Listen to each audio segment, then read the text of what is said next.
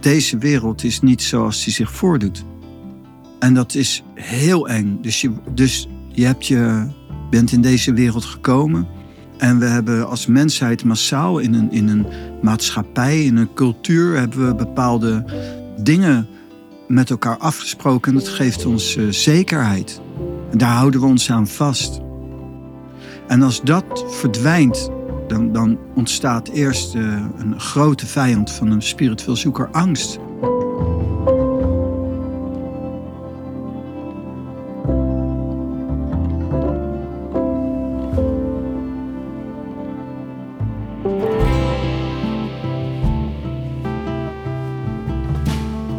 Deze podcastaflevering begint met persoonlijke macht.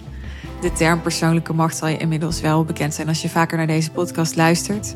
Maar ik laat uh, de laatste tijd de, de kaders en uh, het centrale thema wat meer los om ja, spontaan te laten ontvouwen in deze afleveringen wat er zich ontvouwt. En zo kwamen wij al pratende op het thema skepsis.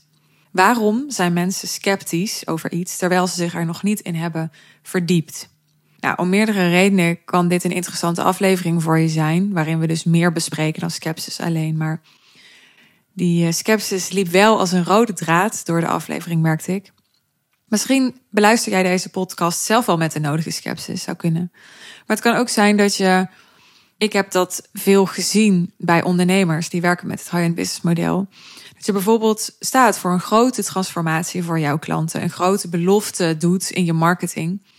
En dat je merkt dat je daardoor tegen de nodige sceptisch aanloopt. Dat mensen zoiets hebben van ja, ja dat, dat is echt te mooi om waar te zijn. Hè? Dus, dus het is niet meer geloofwaardig voor ze. Juist eigenlijk omdat je zo enorm voor een grote waarde staat. Nou, als dit iets is wat je herkent, of je herkent sceptisch in een andere vorm in jouw leven, dan uh, ga je in deze podcast wat meer inzicht krijgen in waar sceptisch eigenlijk vandaan komt en hoe je ermee om kunt gaan. En uh, zo niet, dan vind je in deze aflevering nog uh, veel meer waar je mee vooruit kan. Ik wens je veel luisterplezier. Pranay. Hoi. Precies. Laten we het weer eens hebben over persoonlijke macht.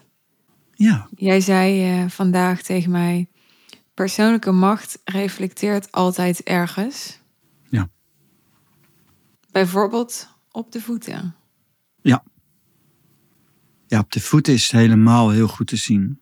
Uh, een, een, een onderdeel van de shiatsu, de reflexologie, zijn ja, voor de diagnose is echt de voeten. Daar kan je zo ongelooflijk veel uithalen. Dus een onderdeel van de shiatsu is ook uh, voetreflexologie. En dat is dan met name voor de diagnostiek.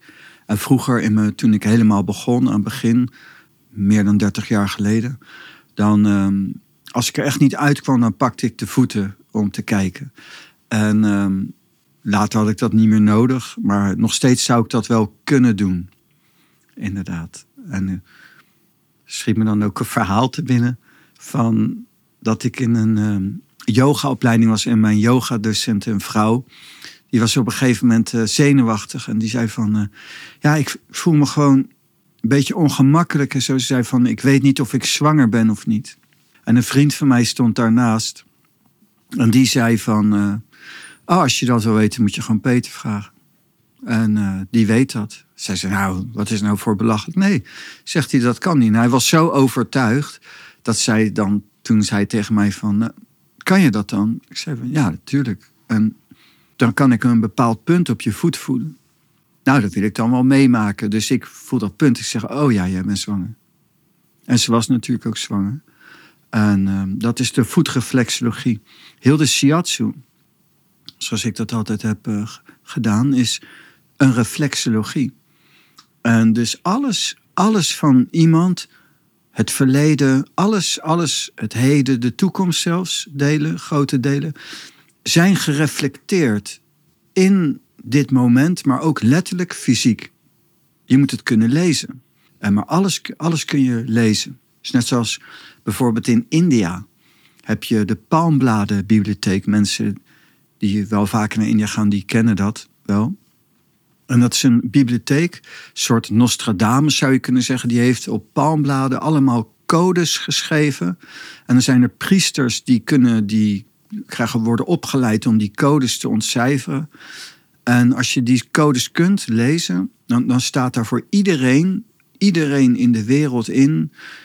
Wanneer je bent geboren, uit wat voor gezin je komt, hoe oud je wordt, alles, alles, alles, alles. Het probleem zit hem hier wel in, moet je wel waarschuwen, dat niet elke priester goed, even goed is. En uh, dus dan gaan ze naar de Palmbladenbibliotheek in India. En dat bestaat. Het is allemaal ergens in op, op gereflecteerd. Alles reflecteert. En dat is eigenlijk heel doorzichtig als je dat uh, leert lezen. En zo heb ik niet de palmbladen leren lezen, maar het lichaam. Dat, dat doe ik nu niet meer. Maar vroeger, als ik er niet uitkwam, deed ik dus de voeten. Of uh, massage. Als ik uh, iemand kan masseren, dan, dan kan ik echt boeken, boeken schrijven over zo'n iemand. Omdat elk puntje en qua temperatuur, qua druk en, en, en leegte of volheid, spanning en waar en in onderling verband, dat zegt uh, on, alles eigenlijk. Reflexologie. Dat is heel, uh, heel mooi. En zo is persoonlijke macht ook. Uh, dat is gewoon weerspiegeld in je intentie van zijn. En dat kun je niet faken. Dat kun je niet veranderen. Een ziener ziet dat in een seconde. En daar kun je ook niet iets anders van maken. Je kan ook wel proberen je anders voor te doen, maar je blijft dat doen in een bepaalde versnelling als het ware. En, en in jouw vak van bewustzijn waar je zit. Maar nogmaals, persoonlijke macht kent vele gradaties. Niet iets wat je wel of niet hebt, toch? Iedereen heeft een persoonlijke macht. En, maar persoonlijke macht heeft inderdaad oneindige dieptes. Ja. En, en, en. Ja, dat klopt. Dus als jij het hebt over die persoon heeft persoonlijke macht, dan bedoel je een zekere mate van persoonlijke macht. ja, als ik zeg die, die, um, die heeft de persoonlijke macht, macht, dan persoonlijke macht, dan is dat heeft inderdaad te maken met een bepaalde uh, diepte. Ja, dat heeft heel verschillende dieptes. Dat heeft ook de, nou, de, de kracht van de beoefenaars en de yogis. Ik sprak laatst uh, iemand en die zei, uh, daar moest ik nu aan denken. Die noemde onze podcast bijzonder. bijzonder. En, en waarom komt dat nu in me op? Omdat ik dacht, ja, het is wel bijzonder wat je allemaal zegt. Vanuit de, de, de kleine geest, zoals jij dat vaak noemt. ja. Die kan natuurlijk heel makkelijk daarop plakken. What the fuck? Ja, dat gebeurt ook zo goed als altijd. Ja. Ik heb ook daarom, uh, ik heb altijd uh, met mijn, uh, met mijn shiatsu heb ik nooit reclame gemaakt. Is ook, heeft ook helemaal geen zin. En bijna iedereen die binnenkwam, die komt ook, kwam ook sceptisch binnen. En dat is ja, heel normaal, heel logisch ook. Want het is een hele andere realiteit, een hele andere wereld. En de meeste mensen vinden dat totale onzin. En die klampen zich vast aan wetenschap en zo. En ik ben niet tegen de wetenschap trouwens. Ik ben niet zo'n zwever die zegt tegen de wetenschap. Maar andersom is het vaak. Ik weet wel dat ik een keer in een vergadering zat. toen ik in een praktijkruimte had in een gezondheidscentrum. En in een kantoorpand was dat. En dan was de fysiotherapeut die zei van nou, we zaten met een advocaat en we zaten met mensen. Nou, als we nou een advocaat nodig hebben, dan kunnen we naar de advocaat. En als we naar de, als we een blessure hebben, kunnen we naar de fysio. En toen kwam, zo ging die het rijtje of kwam die bij mij, zei hij van ja, en, uh, ja, als je, ja, als je een zwever nodig hebt, dan moet je bij camping gaan zijn. ja. En, en dat doet jou dan niks? Ja, dat, dat geeft compassie. Um, en uh, ik, ik, ik ga dan niet, ik ga hem dan niet, uh, ik zeg dan niks. Uit, uh, want het heeft geen zin. Maar dan realiseer ik me sterker. Zo, ja, voor mij is ik, ik ga dat dan niet zeggen, want dat heeft dan geen toegevoegde waarde. Maar dan realiseer ik me des te sterker van ja, ze hebben ook echt geen idee. Ze kennen God niet. Ze kennen de taal niet. En ehm, die man, in mijn ogen, ja, als we, als we dan eh, zo, noem toch geen naam en zo, van ja, in mijn ogen is hij de, een grotere zwever dan ik. Ze, ze varen blind op iets wat ze gelezen hebben in een boekje. Je ziet ook bij veel artsen, die, die dan niet allemaal gelukkig, dan die, als je dan aankomt, dan zitten ze achter een computer te kijken. En dan zeggen ze: Oké, je hebt dus die klacht. En dan kijken ze op het computerscherm. En oh, dan, nou moeten we, dan gaan we in dat segment. Heb je dat of dat? Eh, ja, nee. Oh, dan gaan we zo. En dan volgen ze een protocol. Ja, die, in, dat is echt vanuit de Chinese geneeswijze. Echt, dan ben je echt knettergek. Ja. En dan ben je in mijn ogen ook geen arts. Dan weet je, ben je zo fucking onwetend. Als je niet leert observeren en dat is die man ook. Kijk, hij mag het niet met mijn uh, shiatsu eens zijn. En dat vind ik helemaal niet erg. En iedereen mag het afbreken. Maar ik heb nooit een gesprek met hem gehad. Hij is nooit naar me toegekomen. Hij heeft nooit gevraagd: wat doe jij? En wat houdt het dan in wat je doet? Nooit. Niet, niet één keer. Dus hij, hij baseert, en dat zie ik tegenwoordig heel veel. Mensen maken andere mensen af op one-liners op, ehm, op het iets wat iemand gezegd heeft. En um, nu is in het nieuws die Tim, dat hij dan, uh, dus een of ander schandaal of zo. En uh, naar buiten gekomen, maar hij blijkt ook ziek te zijn, kanker te hebben en zo. En dat is heel triest. Maar het, wat, wat, ik, wat ik ken van, van die man, ja, ik, heb, ik ken hem helemaal niet. Ik ken niet eens zijn naam. Ik, voor mij heet hij Tim. Uh, maar hij kwam Tim naar buiten. De beste? Tim Den Besten heet Oké. Ja, nou ja, in ieder geval. En die had dan gezongen bij de Gay Parade, of wat dan nu ook weer anders heet. Maar en zoiets van um, uh, Sinterklaasje of zo, kom binnen met je knecht. En er was dus een vriend van hem, die dan op een boot kwam en zo. En dan... Ja, en daarna zat hij huilend te vertellen uh, dat hij spijt had van dat woord knecht. Ja, maar weet je, als jij het woord knecht zingt, uh, iets om naar een vriend die, uh, die, die donker is. En dat is dan de humor van hem en die vriend. Dat heeft niks te maken met Marokkanen zijn slecht en die moeten dood. Of, of zwarte mensen of wat dan ook. Er zit niks discriminerends bij. En dat er dan linkse mensen zijn die zelfs zeggen van... Het maakt mij niet eens uit wat hij bedoelde. Hij zette het woord knecht in, dus eigenlijk moet hij gewoon kapot. Dat is zo bot. Ik heb even een vraag. Zo hard. Want je hebt ja. dit al uh, vaker herhaald. Ja, dat is een mooi voorbeeld. Het is zo buitensporig uh, geworden. Ja, maar waar ik dus benieuwd naar ben is... Ja, ik weet als jij dingen herhaalt, dan heeft dat dus een functie vanuit de geneeswijze. Daar hadden we het ook laatst over in de podcast. Ja, klopt. Dus waarom herhaal je dit steeds hetzelfde voorbeeld? Want het is niet omdat je vergeetachtig bent, toch? Nee, dan zou ik het niet meer kunnen herhalen. het moment dat ik vergeetachtig ga. Oké, okay, die is wel gevat. Fair enough. Ja. Nee. Um, waarom herhaal ik dit?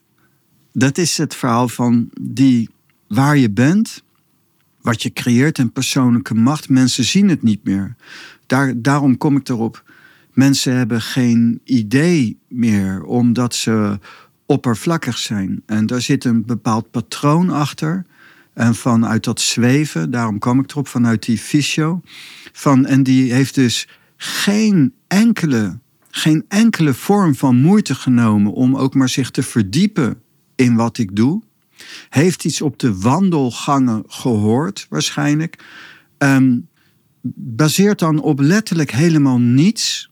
Um, dat ik een zwever ben. Nou, mag hij mij een zwever vinden, omdat ik niet zijn geschoolde papiertje heb. Maar zoals uh, mijn voorganger uh, had, die, die was een officieel wel dokter. Maar die had meer kennis. Bijvoorbeeld, mijn, mijn vader vond dat vroeger ook van mij. Uh, van waar ik mee bezig was, dat vond hij helemaal niks, omdat het niet erkend was.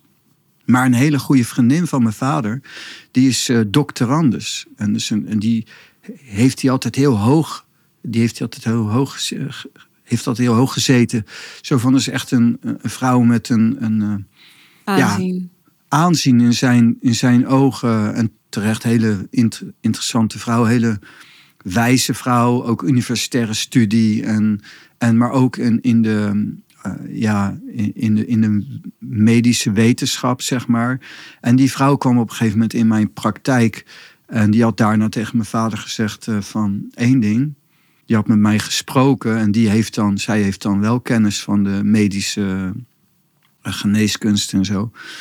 En die had teruggezegd tegen mijn vader één ding. Jouw zoon weet meer van het menselijk lichaam dan mijn huisarts. En dat zijn dingen waardoor mijn vader anders uh, begon te kijken toen, wat hij in het beginsel niet had. En, uh, en door dat soort uitspraken. Maar het trieste is dat hij dus eigenlijk uh, daarvoor nooit de moeite heeft genomen is om met mij te praten. Maar wat weet jij dan? Wat leer jij dan? Waar ben jij dan mee bezig? En dat zijn dan de, ja, dat, dat zo, zo is die reflectie. En dat is uh, heel trieste situatie. En tegenwoordig zijn we niet meer bezig met ons verdiepen, maar we hebben wel allemaal mening. Ja, ik, uh, ik moet nu ook denken aan iets wat ik uh, laatst meemaakte. Want uh, ja, iemand die ik ken, die, ehm, die eh, heeft mogelijk kanker. En ehm, ja, die sprak ik.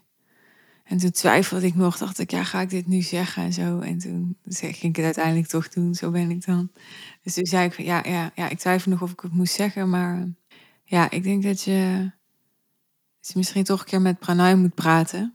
Even los van of dat jij daar dan zin in had, zo. Want ik weet dat je niet meer uh, behandelt. En, maar ik dacht, goh, misschien via mij, hè. Ja, je weet het niet. En uh, ja, en, en toen schrok ik ook echt weer van het gesprek wat daarna volgde. Want uh, ja, hij reageerde dus echt, uh, nou inderdaad sceptisch. Nou, dat had ik wel verwacht. Dat was, ik wil, ik hem en, en dus daar schrok ik niet zo van. Maar dat er dan daarna, um, ja, dat, gewoon die uitspraken. Ik was echt soort van in shock, merkte ik. Niet omdat die uitspraken nou zo chockerend waren, maar omdat ik me besefte van wow, ik, ik kijk hier echt al zo anders naar. Dus um, ja, ik. Uh, hij zei inderdaad van, uh, van ja, als het. Als het niet. Um, nou, ik herhaalde iets wat jij wel eens hebt gezegd. En dat is. Dat zei ik ook tegen hem. Hij kan je mogelijk niet uitleggen wat hij uh, gaat doen. Maar, zoals Prana altijd zegt tegen mij, ja, een hartchirurg die kan je ook niet uh, tot in detail uitleggen wat hij gaat doen als hij gaat opereren. Dus, maar dat was voor hem al zo, zo van, nou, als hij het niet kan uitleggen, dan, uh, dan want een, een chirurg die, die kan me dat wel uitleggen. En misschien niet tot achter de komma, maar die kan wel, me wel uitleggen hè, op een globaal niveau wat hij gaat doen. Ik zei, nou, dat, dat kan Pranay misschien ook wel aan jou. Hè, maar um, ik zei, ja, daar, zou je hem gewoon eens voor eens moeten spreken. Maar ja, toen, toen was het meteen ook van... Um, van ja, we gingen daarop door. Ik was ook oprecht nieuwsgierig, want ik, ik, ik heb zelf die skepsis helemaal niet meer. Ik weet ook niet of ik die ooit heb gehad, dus ik ben dan ook oprecht nieuwsgierig van waar komt dan die skepsis zo vandaan?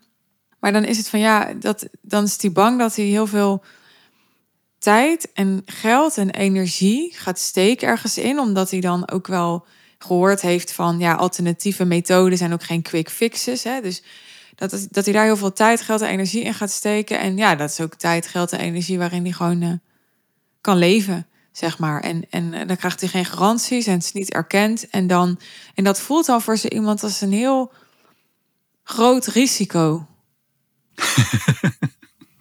Want wat is er aan de hand? Waarom zijn mensen sceptisch zonder dat ze zich verdiept hebben?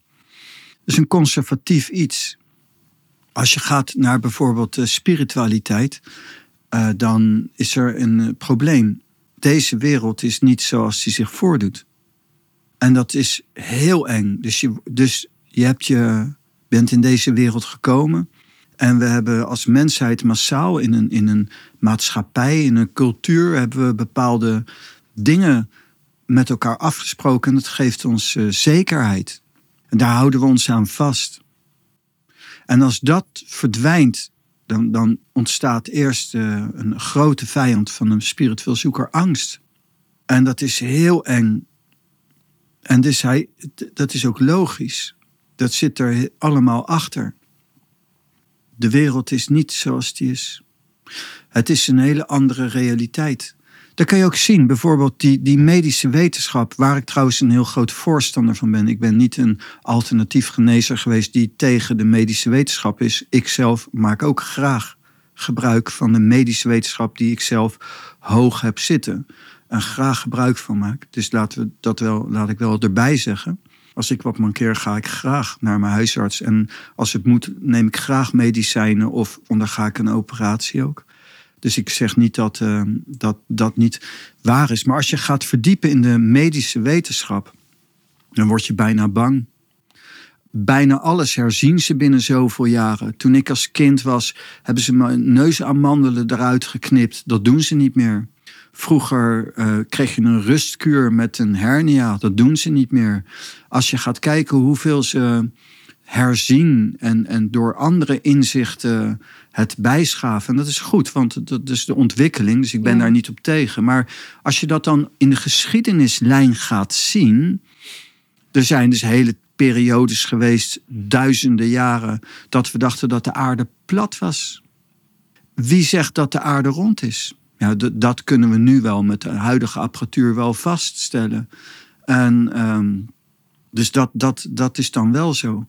Maar wat zit er dan in het diepste van de aarde? Hoe eindig is het heelal? Wat weten we nou? Wat weten we nou van wetenschappers die zijn jaren levens bezig met, uh, met het onderzoeken van de natuur waar wij in leven. En het blijven altijd maar weer raadsels. En dat is ook logisch, want ja, het, is, het is denk ik ook niet echt te doorgronden. Maar waarom zou je dan vasthouden aan een wetenschap? Nou, ik ben niet tegen het gebruik maken van die wetenschap. En ik vind ook heel veel waarde nogmaals wel daarin. Maar ik besef ook dat er meer is dan dat. En dat weet ik heel goed, uh, natuurlijk in mijn werk. En dat weet dus ook voor mij bijvoorbeeld met God. Vroeger dacht ik dat ik uh, zo van ja, ik geloof in God. Ja, maar wie is dan God en waar geloof je dan in? En dat concept God, daar loop, daar, daar loop je dan ook tegenaan op een gegeven moment in je ontwikkeling. Is, God is niet wat jij denkt wie God is. Dus als jij dat dan op een gegeven moment achterkomt dat dat niet waar is. Ik heb wel eens met een vrouw gesproken, de vrouw van een do, dominee. En die, en die waren heel hun leven, zijn nog steeds gelovig en heel erg bezig. Maar op een gegeven moment zei die vrouw. Ja, ik kan gewoon eigenlijk niet meer geloven met wat ik heb meegemaakt in het leven. Maar dan zeg ik op zo'n punt, zeg ik van, ik kan eigenlijk niet geloven dat mijn beeld klopt. En dat ik het niet begrijp. Maar niet dat God niet klopt. En dan moet je de bereidheid hebben om dat oude beeld te bezet, durf toe te geven dat bestaat niet. Maar dan is er dus even geen God. En dan? En dan moet je dus erkennen dat je, ja, God niet kent. Maar, en als je dat vanuit je eigen arrogantie neerzet, zo van dan zeg je, oh ja, maar dus, dus, dus bestaat God niet. Want hè, bijvoorbeeld iets moet dan denken, jij noemt iemand met kanker.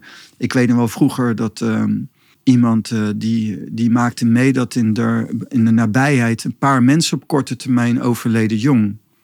En die kwam dan boos naar mij, omdat ik met spiritualiteit bezig ben. Ja, en jij met jouw God? En hoe zit het dan als die jong overlijdt en die op die manier? Waar is jouw God dan? Waar is je... Ja, maar ik, het is niet zo dat ik uh, alwetend ben en die antwoorden kan geven. En, maar zeker weet ik wel dat godsdienst niet bedoeld is om alle antwoorden te geven, maar een weg te vinden naar het geluk.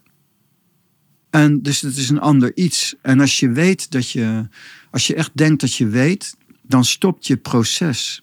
Daarom is een eh, beoefenaar altijd, neemt de houding aan van een niet weten. Zo van, wat je pas geleden had, zeg je, heb jij dan een hoger bewustzijn? Nou nee, ik zeg liever niet dat ik een hoger bewustzijn heb. Want met wie vergelijk je het? Ja. En, en, wat is de maatstaf? Ja, maar een, dat klinkt net alsof ik er ben. Ja. Ben jij verlicht? Nou nee, ik ben gewoon elke dag bezig met verdiepen. Ja. En ben ik, kan je dan zeggen dat ik verlicht ben? Nee, ja, in, in het land van de eenoogige ben ik koning. Absoluut.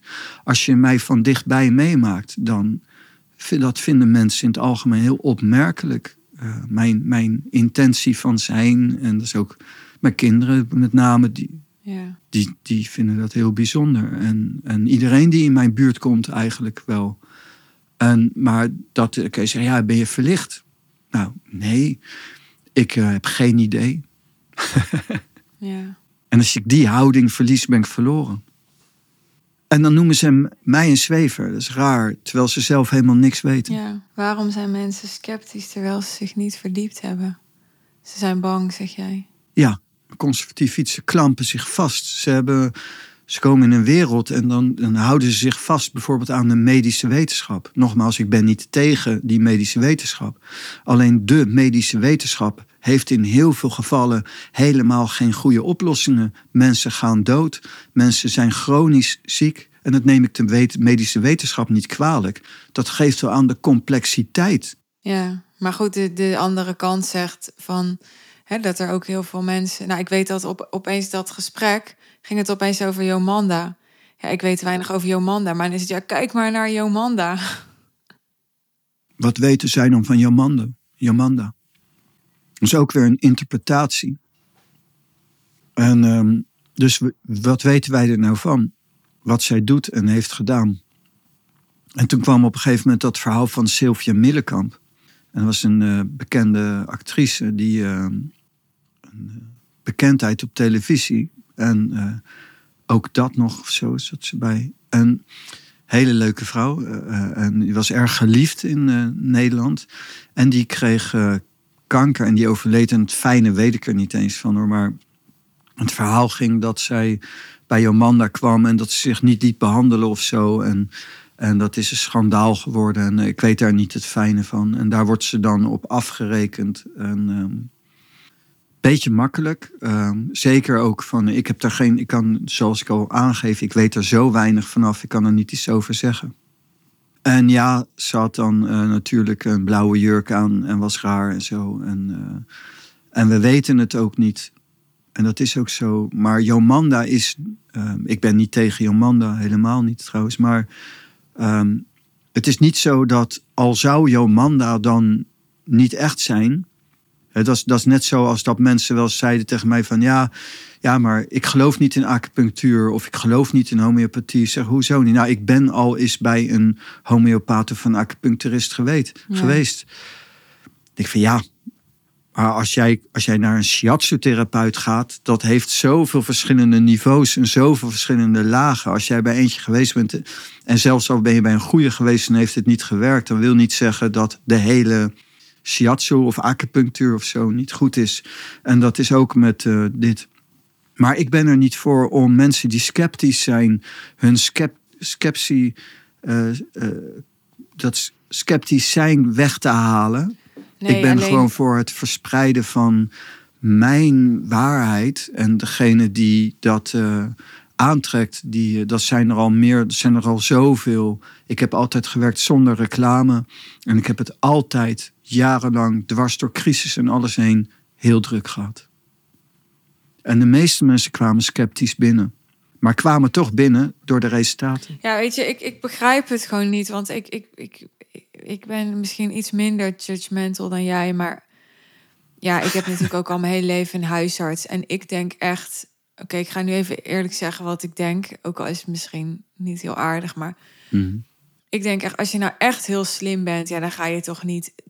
Als je nou echt zoveel kennis hebt over het menselijk lichaam... ga je toch niet dag in, dag uit... helemaal in de tang van de zorgverzekeraar... in consultjes van een kwartier inderdaad eh, met, met thuisarts.nl, weet je ga je het er niet...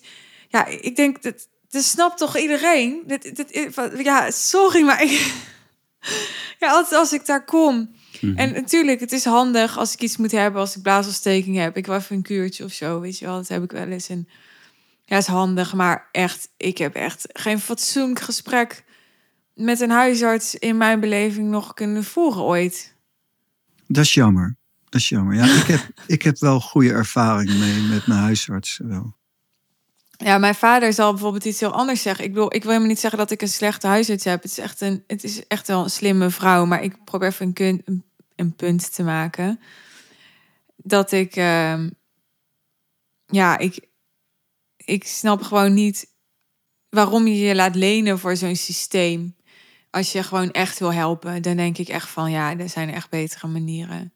Ik vind het moeilijk om daar respect voor op te brengen en, en compassie. Dat, dat is duidelijk als je moord praat. Dan moet ik denken aan de precepts eh, bij Thai. En dan staat er telkens boeddhisme. Aware of the suffering. Zodra iemand iets doet wat ehm, lelijk is of onwetend is, dan komt dat voort uit ehm, lijden. En dus als ehm, die fysiotherapeut in mijn verhaal. Ik heb nooit een slecht gevoel naar die man gehad. Het is trouwens een hele aardige man. En hij kent mij niet, dus ik voel me ook niet aangevallen. Hij weet bij God niet wat ik doe. Hij heeft geen idee. Hij heeft werkelijk geen idee.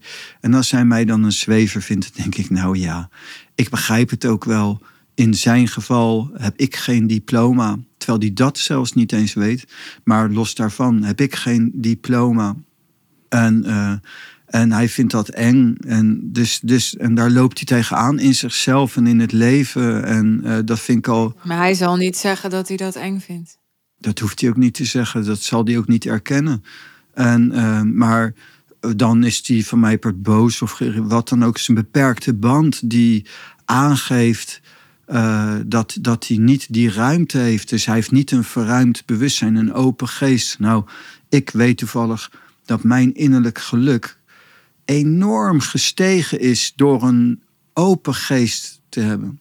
En door een verruimd bewustzijn te hebben. En dus als ik iemand zie met een vernauwd bewustzijn, dan dat 1 en 1 is 2, dan besef ik ook dat, ja, dat die man dus lijdt. En, maar als ik dit zo zeg met deze intentie, dan leid ik dus ook. Ja, dat, zo zie ik dat ook. Zo, bedoel, mm. dus als ik naar jou en kijk. En waar leid ik dan aan? Nou, aan de, aan de ziekte van serieusheid en, ja. uh, en niet extatisch zijn. Maar ik denk dat de ergste ziekte van allemaal is misschien wel serieus zijn. serieus. En dat zie ik ook in jouw intentie. Je zit een beetje geknepen in je energie, als het ware.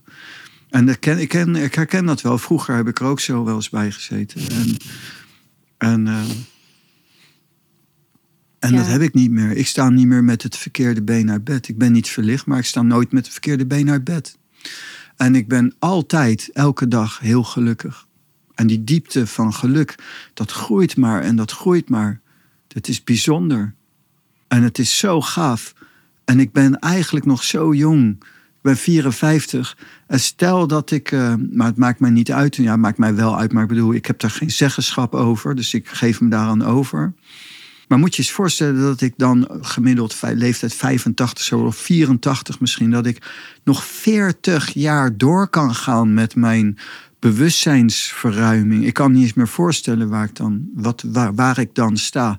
Maar in ieder geval weet ik wel dat ik dan mijn bewustzijn en mijn geluk, die groeit maar en die groeit maar. En het is oneindig. Ja. Zo kicken. En dus ik ben uh, heel blij. En ik ben ook blij als ik tegenspoed heb. Ik zeg niet, ik ben altijd emotioneel, altijd. en, maar dus, ik, dus uh, dat gaat door verschillende emoties heen. Maar ook als ik. Uh... Ja, en, en dit is echt waar. Ik kan dit beamen. Ik spreek jou zo ontzettend veel. Dat het echt ronduit onmogelijk is nog om voor mij te verbergen. Hoe dat jij echt bent. Dat durf ik wel te zeggen. Want ik spreek jou ongeveer uren per dag. En. Uh, het is echt waar. Jij bent dus, daarom maak ik wel schapjes over verlicht en zo. Maar jij bent gewoon echt fucking bestendig. Dat, dat vind ik het meest inspirerend. Fucking bestendig. ja, fucking bestendig. Dat is waar. Bestendig zijn is gelukkig zijn, zegt Lao Tse. Dat is mijn hele oefening. Dat is echt het kern om bestendig te zijn. Maar niet met onderdrukken. Ik, ik begin dat ook steeds meer te zien. Jij praat altijd over fluctuaties. Hè, dat fluctuaties zijn, uh, zijn killing voor je meditatie, zeg je dat zo? Ja, voor, voor, zo zou je dat kunnen zeggen. Voor je meditatie, daar natuurlijk je bewustzijn. En, maar met meditatie bedoel jij dan niet dat momentje op een dag dat je stil zit in de kleermaker nee, zit? Precies, dat bedoel je daar niet mee? Nee, daarom zeg ik dat al. Het is dus echt voor je intentie van zijn. Ja. Dus de hele yoga bestaat uit het stilzetten van Ja. de wijzigingen van het denken. En dat kun je doen fysiek, dat kan je doen geestelijk, dat kan je doen met het hart en dat kan je ook doen qua bewustzijn. Nou ja, dat is wat, wat, eh, wat het. Ik wil, ik zal het niet te persoonlijk maken, maar ik, ik kan wel zeggen dat. eh, jij hebt toch al drie keer in de podcast over mijn eh, vriend gepraat inmiddels. Oh, en ja. jij doet dat gewoon, maar ik weet zeker dat er dan mensen zijn die zeggen: Oh, heeft ze nou weer een vriend? Is al? When did this happen? maar ehm, ja, het is. Ik merk dus dat het dat eh, in een relatie heb je gewoon veel eerder die fluctuaties. En dat is echt uitdagend. en Ja, je, kan het, de, maar het, is- het is een innerlijke kwestie. Dus, dus de uitdaging zit eerst in je innerlijk. ja, dat snap ik. Maar, maar in, in, het hoeft natuurlijk niet per se liefdesrelatie te zijn, maar gewoon in relaties met mensen word je eerder verleid tot die innerlijke fluctuaties. Zo bedoel ik het meer. Oh zo, ja, dat is absoluut zo. En daar, dat is ook de bedoeling. Als je echt wil weten of je bestendig bent, zoals Eckhart Tolle wel eens heeft gezegd, vind ik een hele mooie. Als je nou echt denkt dat je verlichting hebt bereikt, zegt hij, ga eens een weekendje bij je ouders logeren. zo mooi. Dat is zo waar. Ga eens, ga eens gewoon een weekendje bij je ouders. Ga dan eens kijken, ben je nog steeds zo bestendig? Of bij je vrouw of man.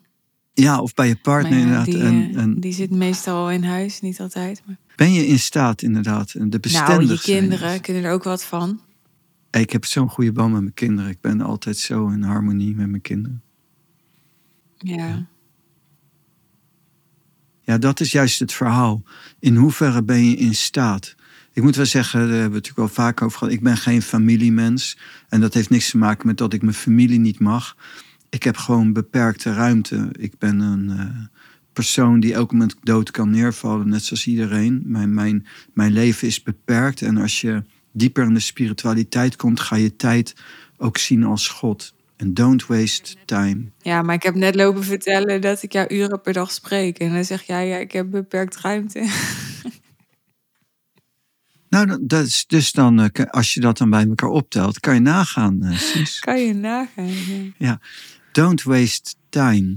En daarom ben ik ehm, gericht eh, meer op heel select. Ik, ik laat maar heel weinig mensen toe in, in mijn intieme cirkel. En mijn kinderen zijn natuurlijk al, altijd nummer één. Die, die zijn mijn kinderen, dus die, daar, ben ik, daar, daar doe ik alles voor.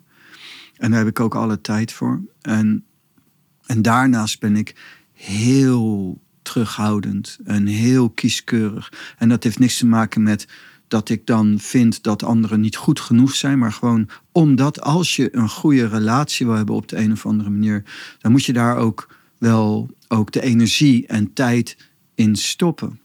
Hmm. Dat is gewoon waar. En een man-vrouw relatie, of tegenwoordig mag je dat ook niet meer zeggen, maar de, een, een mens-mens relatie, eh, hoe, hoe, wat voor geaardheid, dat maakt ook allemaal niet uit. Een relatie is, ehm, ja, dat is gewoon iets wat heel mooi kan zijn, maar dat moet je wel ook wel eh, voeden en onderhouden. Dat is, ehm, en dan kan het heel mooi zijn. Maar dan, je moet iets, je moet ergens mee re- relateren om voor de reflectie. Je kunt niet alles loslaten. Je moet iets werelds vasthouden. Ja, En nou dat wordt hij weer voor- mooi rond, want we begonnen ook met, eh, Ja. we begonnen ook met reflectie, weet je nog? Dat is zeker zo. En daarin kan je het zien. Dus, hoe je, dus daarom kwam ik erop. Mijn band met mijn kinderen is heel goed. En dat is ook, als dat iets niet goed aan zou zijn, dan zou ik daar echt heel kritisch naar mezelf eh, naar kijken. Van wat is er aan de hand? Is er iets in mijn houding, in mijn intentie, wat ik kan verbeteren? Of, en, en, dat is het eerste wat ik dan doe. En het zijn juist die dingen die, ehm, die voor mij juist een zegen zijn in mijn leven. Band met mijn kinderen bijvoorbeeld. En in die reflectie kan ik dan ook meer zien de bestendig zijn. Want het kost je wel veel in de zin van... kinderen kosten je veel tijd, energie en inspanning. Maar als dat een mort is, een motje is, dan is dat niet goed. Als het liefde is, dat wil ik ook. Ik heb net, ben ik eh, vijf, zes weken met mijn dochter door, heb ik door Indonesië gereisd en, en door eh Maleisië, Singapore geweest en zo. Het was echt zo gaaf. Zo kicken. En ik ben eh, vaker met ze, ik ben al, al, altijd al wel met ze weg en, en zo. En ben met mijn andere dochter in India geweest en zo. En dat is zo goud. En dus daar zorg ik dan Dus jij voor. dacht niet, eh, ze zijn 18, eh, ze zoeken het maar uit. Nee, helemaal niet. Nooit. Nee. Al zijn ze honderd en zou ik nog leven, dan zie ik ze nog steeds als mijn kleine kindje. Gaat niet weg, dat is hun lot. Ze zijn mijn kind. Dat gaat niet meer goed komen. Ja. Nou ja, dat is dan het enige mankement. Ze zullen klein blijven bij mij. Even voor de luisteraar, als de luisteraar eh, misschien zelf sceptisch heeft, of mensen in de omgeving die sceptisch heeft naar dingen die zij doen, of misschien wel ja, hun eigen, Mhm. ehm, ja, hun eigen methodes. Dus ik weet bijvoorbeeld eh, mensen die bezig zijn met de wet van aantrekking. Ja, daar, eh, daar gelooft niet iedereen in, daar heeft niet iedereen wat mee. En dan eh, kan familie of omgeving ook zeggen van, ja, dag. Dus als je daarmee te maken hebt met skepsis, hè, of misschien wel skepsis van, van potentiële klanten, kan ook. Mensen die wel geïnteresseerd zijn, maar toch sceptisch. Wat zou je die mensen willen meegeven, de luisteraar? Blijf bij jezelf. En mensen hoeven niet met jou eens te zijn. Je hebt een vriendelijkheid, bestaat eruit dat jij je kleur bent en de ander een kleur is. En dat dat gewoon, je kan je eigen kleur blijven en toch in harmonie naast elkaar staan. Dat is ook het, de opzet van een multiculturele samenleving en zo. En we, we hoeven niet, ik ben niet per se voor integratie, zoals sommige mensen zeggen. Ik vind dat iedereen ook zijn eigen cultuur mag eren en bewaren en behouden, ook in Nederland bijvoorbeeld. Maar het kritieke punt zit hem in de vriendelijkheid en het respect naar elkaar. En dat mag ook vanuit verscheidenheid. En dat vind ik juist zo mooi. Man, vrouw is man is verschillend. En, en dus ook persoon en dus ook homo, eh, alle, alle verschillende geaardheden, dat mag er in mijn ogen gewoon zijn. En ook eh, moslim en, en iedereen, iedereen zijn geloof. En ik vind het mooi als ik een moskee zie staan. En ik vind het ook mooi als ik een kerk zie staan. En ze hoeven het helemaal nooit met elkaar eens te zijn om in harmonie met elkaar te kunnen leven. En dat is vriendelijkheid. Van oké, ik begrijp jou. Die, die, die hoeft nooit mij te erkennen. Dat, dat, dat is niet mijn zaak. Het maakt me ook niet uit. En, en hij was dan wat denigrerend. Nou, dat is triest voor hem. Maar da- eh, daar zal ik niet over struikelen, omdat ik me beoefen in compassie. Ehm, maar hij mag dat vinden. Hij hoeft nooit mijn beeld van mij te wijzigen. Ik was ook wel denigrerend. Een beetje wel. Als je, als je goed intros- introspectie doet, dan. Ja. Ja, en, en, maar iedereen mag gewoon zijn zoals hij is. En niemand hoeft het met mij eens te zijn. Maar ik zelf, juist geïnspireerd door de LHBTQ en alles beweging heen, is het ook tijd dat, het, eh, dat een monnik, of een, beter gezegd een beoefenaar, een yogi, een meditatief iemand, die heeft ook het recht om te zijn. Ik ben geen homo, nooit getwijfeld over mijn seksuele geaardheid. Maar ik, ben, ik heb wel in soortgelijke emotionele fluctuaties gezeten. Ja, je Van- hebt het wel eens gehad over uit de kast komen. Ja, precies. Vanuit dan voor mij spiritualiteit. Ja. Omdat waar ik mijn, mijn realiteit is echt heel anders Ja. dan de gemiddelde. Ja. En dat mag je mij zwever vinden, mag onzin vinden, vind ik helemaal niet erg. Je mag vin- vinden wat je wilt. Maar waarom zou je me dan moeten haten? Waarom zou je me dan iets willen aandoen? Of waarom zou je dan, waarom? Waarom zou je een homo slaan? Het slaat toch nergens op? Laat ze lekker homo zijn. En wat is het probleem? En dan zeg je, ja, dat is goor of daar ben ik het niet mee eens. Nou en? En als een moslim dat zegt, mag hij dat ook zeggen. Maar waarom zou je moeten doden? Dat is het punt. Maar dat gaat niet over geloof, dat gaat gewoon over de waarde van respect. Hm. Dus Wilders zegt, je moet de Koran verbieden, vind ik echt belachelijk. Gaat ook nooit werken, zal ook nooit werken. Ik ben ervoor dat ze gewoon dat mogen vinden zelfs. Eh, maar dat kun je niet hier uitvoeren. Want je moet respect hebben. En ook voor eh, mensen waar het helemaal niet mee eens bent. En dus ook voor een Poetin. En, en ik wens Poetin niet dood. Ik hoop dat hij eh, tot inzicht komt en stopt met zijn oorlog. Maar in een andere aflevering noemde je wel de term narcistische teringgek. Ik blijf ook een realist. En ik heb ook de ruimte dus in, in het kader van vrijheid om te vinden, ik vind hem erg narcistisch en knettergek. Absoluut. Dat je zeg maar mensen zo behandelt. En dat je zo massaal mensen moordt. Maar dat gaat dus gewoon En- samen met compassie en eh, respect. Absoluut. Ja, ik, ik, compassie is niet blind zijn. Oh, oh, wat, een, wat een heerlijke man, die Poetin. Wat een fijne man, zeg. Nee, nee, het is een klootzak. Maar hij, hij is eigenlijk niet een klootzak. Hij zit in een beperkte band, waardoor Ja. hij een, een teringleier is en een, Ja. en een moordenaar is. Zoals vele bestuurders. De grootste massamoordenaars zijn regeringleiders. De meeste mensen die sterven, sterven in oorlogen. Geïnitieerd door regeringleiders. Omdat zij bereid zijn het offer te maken, moet ik gaan vechten. Maar al schiet je mij dood, ik ga niet vechten. Ik ga niet vechten voor zo'n idioot. Maar ik ga wel vechten.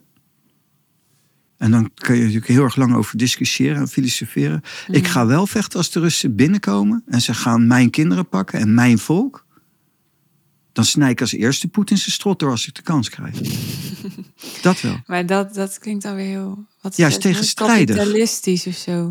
Dan denk ik, ja, maar dan is het opeens mijn land. Ben je opeens geïdentificeerd met jouw land. Juist, dat is waar. Ik ben sovinistisch.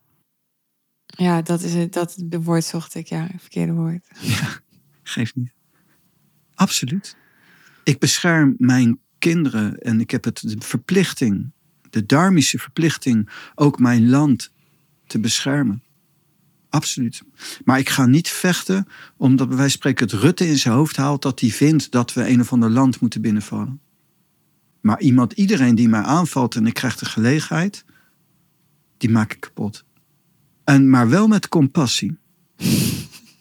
Dus ik vind het dan triest dat ik aangevallen word. Ik ben niet boos, maar ik ga er ook niet om liegen. Als je me aanvalt, kan Ik je mij je pakken. kapot. Ja, dan- compassie. Ja, dat was gewoon grappig. Ja, dat is mooi. Hè? Ja, ik zal mij nooit zomaar vrijwillig zo van. Jezus zegt: als iemand je op je ene wang slaat, keer je andere wang toe. Als iemand mij probeert te slaan, dat zou ik niet proberen. Maar ik zeg niet dat ik sterk ben en dat ik iedereen kan verslaan. Eh, maar ik zal het nooit vrijwillig toestaan. Nooit. Ik heb zelfrespect. Maar ik zal het niet uitdagen. En ik zal het niet aanzetten. En als ik, ik wil best wel voor lul staan of voor schut staan. En- Nou ja, je komt nu wel op een, een, een, een- bijna het, het rechtvaardig, onrechtvaardig thema. Terwijl jij zegt van je moet echt voorbij rechtvaardig en onrechtvaardig gaan. Want ik denk dan meteen, oké, ja, mensen kunnen dit ook vertalen naar stel ehm, iemand voelt zich heel erg afgewezen. Mhm. Hè, dus bijvoorbeeld, eh, ik geef even een stom voorbeeld. Je bent moeder en alle drie je kinderen komen niet met kerst. Mhm. Voor die moeder kan dat voelen als ik word geslagen. Ja, dat kan. En dan is voorbij, Dus die gaat, dan, die gaat dan zich verdedigen, want die voelt zich aangevallen, want die voelt zich geslagen. Voorbij rechtvaardigheid, onrechtvaardigheid is niet tegen rechtvaardigheid en blind zijn voor onrechtvaardigheid. Voor, voorbij is losser, relativerender. Eerst Ja. de taal, eerst God, eerst de ene. Maar dat houdt niet in dat we niet mens zijn. En dat houdt niet in dat we ons niet gepikeerd kunnen voelen of tekort gedaan door zo'n vrouw met haar kinderen. En dat heeft ook een bepaalde ruimte en, en, en een, recht, een recht om daar te zijn. We hoeven niet, niets te onderdrukken. Maar het moet niet zo zijn, de bestendig zijn, dat je leven daaraan eh onderdoor gaat. Dat heeft een, je moet het kunnen relativeren. Nee, maar dit is wel weer heel extreem dat je leven eraan onderdoor gaat. Maar Nou, dat vind ik niet, want er zijn, het leven onderdoor gaat is dus bijvoorbeeld als je niet meer in vreugde leeft. ja, pre- ja, precies. Maar daarom benoem ik het even, omdat mensen dan denken dat iemand eh, vervolgens nooit meer zijn huis uitkomt met de gordijnen dicht. En, eh, maar dat bedoel je niet. Ja, die, die zijn er helaas ook. Ehm, Ja. En die gun ik ze niet, zeker niet. Eh, maar ik heb het dus ook over van, er is dus een enorme vreugde mogelijk. Maar Ja. mijn vreugde is niet los van dat ik ook een mening heb. En dat ik eh, dus Poetin een, een narcistische teringleier vind. Het is een kwelgeest voor ontzettend veel mensen. Eh, maar ik gun hem niet de dood daarom. Ik gun hem inzicht en dat hij het diepere geluk vindt en stopt. Maar als ik hem tegenkom en krijg de kans, snij ik zijn strot door. Maar niet omdat ik boos op hem ben, maar omdat hij heeft gezegd: als ik een atoombom gooi, gooi ik hem op Europa en daar woon ik. En daar wonen mijn kinderen. En dan deel ik zijn strategie. Ik heb heel veel respect op een andere manier voor Poetin. Ik deel zijn, ik deel zijn krijgersmentaliteit. en dus met, met alle respect voor Poetin zou ik zijn strot doorsnijden. Niet omdat ik boos ben. Omdat het jammer is dat ik geen andere keus zie. Maar hij is een serieuze bedreiging voor mij. En voor mijn kinderen en voor mijn land. Dat is een heel serieuze. We, zijn, er zijn, we zitten bijna in een derde wereldoorlog. Iedereen zit oorlog te voeren. Het is een hele kritische situatie. Het is heel triest. En ik wens niet dat er mensen gestraft worden en voor tribunalen komen. Ik wens dat mensen massaal de vrede ontdekken. De liefde ontdekken. De medemenselijkheid ontdekken. De samen, saamhorigheid in verscheidenheid. Dat is mijn, uh, mijn, mijn inbreng. Ik wens dat iedereen zichzelf kan blijven. Een moslim mag gewoon hier een moskee bouwen voor mij. En die hoeft niet, hoeft niet, van, hoeft niet van zijn cultuur af te stappen. En ze mogen vinden van homo's en wat dan ook, mij best. Maar als ze maar wel in de handen van homo's afblijven. En dan heb je friendliness. Nog een laatste woord over uh, skepsis, want dat was toch een beetje het thema van deze aflevering, hoewel het over veel meer ging dan dat. Een laatste woord over skepsis. Sceptisch zijn. Nee, ja, ik denk dat, uh, uh, dat je gewoon een open geest moet houden. En, en ook met sceptisch. Uh, met, dat je, dat je, daar zit al eigenlijk iets in van een sluiting. En je hoeft het er niet mee eens te zijn, maar je hoeft niet sceptisch te zijn. Maar, maar zonder een bepaalde. Met een open geest mag je best wel sceptisch zijn, zelfs. Nogmaals, die fysiotherapeut die ik spreek, is een, die waar ik over sprak, is een aardige man. Ik mag hem graag als persoon. En, uh, en dat hij bij God niet weet wie ik ben en waar ik mee bezig ben, dat laat ik niet tussen mij en hem staan. Het is niet zo dat ik boos op hem ben of dat ik hem niet mag. Ik, hij oordeelt misschien over mij, maar ik niet over hem. En daar heb je, moet je bestendig voor zijn. Ja, dat is knap. Dat, dat zie ik maar weinig mensen kunnen eigenlijk. En dat kan ik eigenlijk ook alleen maar omdat ik mijn geluk vind, gevonden heb bij de taal, bij God, bij de ene. En dat ik besef dat hij dat dan op een bepaald niveau niet heeft, omdat hij dit niet kan toepassen. En als je dit niet kan toepassen, leid je meer. En ben je dus ongelukkiger. En waar, maar ik denk wel dat die man waar ik over spreek, ik denk dat hij best wel gelukkig is. Ja, die, die heeft het best wel voor elkaar. ja. Ik denk ook, hij is ook wel gelukkig. Maar hij beseft niet dat er veel grotere vormen van geluk zijn. Hmm. En ik hoop dat hij gelukkig is, als ik ken hem niet zo goed. Maar ik hoop dat hij gelukkig is. Hij komt wel gelukkig over op mij. Ja, want tot slot, die man in mijn voorbeeld, die zei van... Ja, als het voor jou nodig is dat hij uren per dag met jou praat, zo van nou ja, dat was eigenlijk een teken van dat jij dan wel slecht moest zijn. Want als daar zoveel tijd in moest zitten, dan. Uh, ja. Ja, Suus. nee. ja, inderdaad. Over wie, uh, over wie zegt dat wat? Ja. Nee, nee. Maar het is mooi, een, een, een andere vorm van denken. Kijk, waarin... Ik snap ook die conclusie ergens wel. Ik snap die conclusie ergens wel. Het is helemaal, heeft helemaal niks met realiteit te maken, dat niet. Maar ja, het, het maakt mij wel weer wakker in die zin dat ik, ik, ik doe dat zelf natuurlijk met die huisarts. Ik bedoel, wat weet ik nou van die huisarts?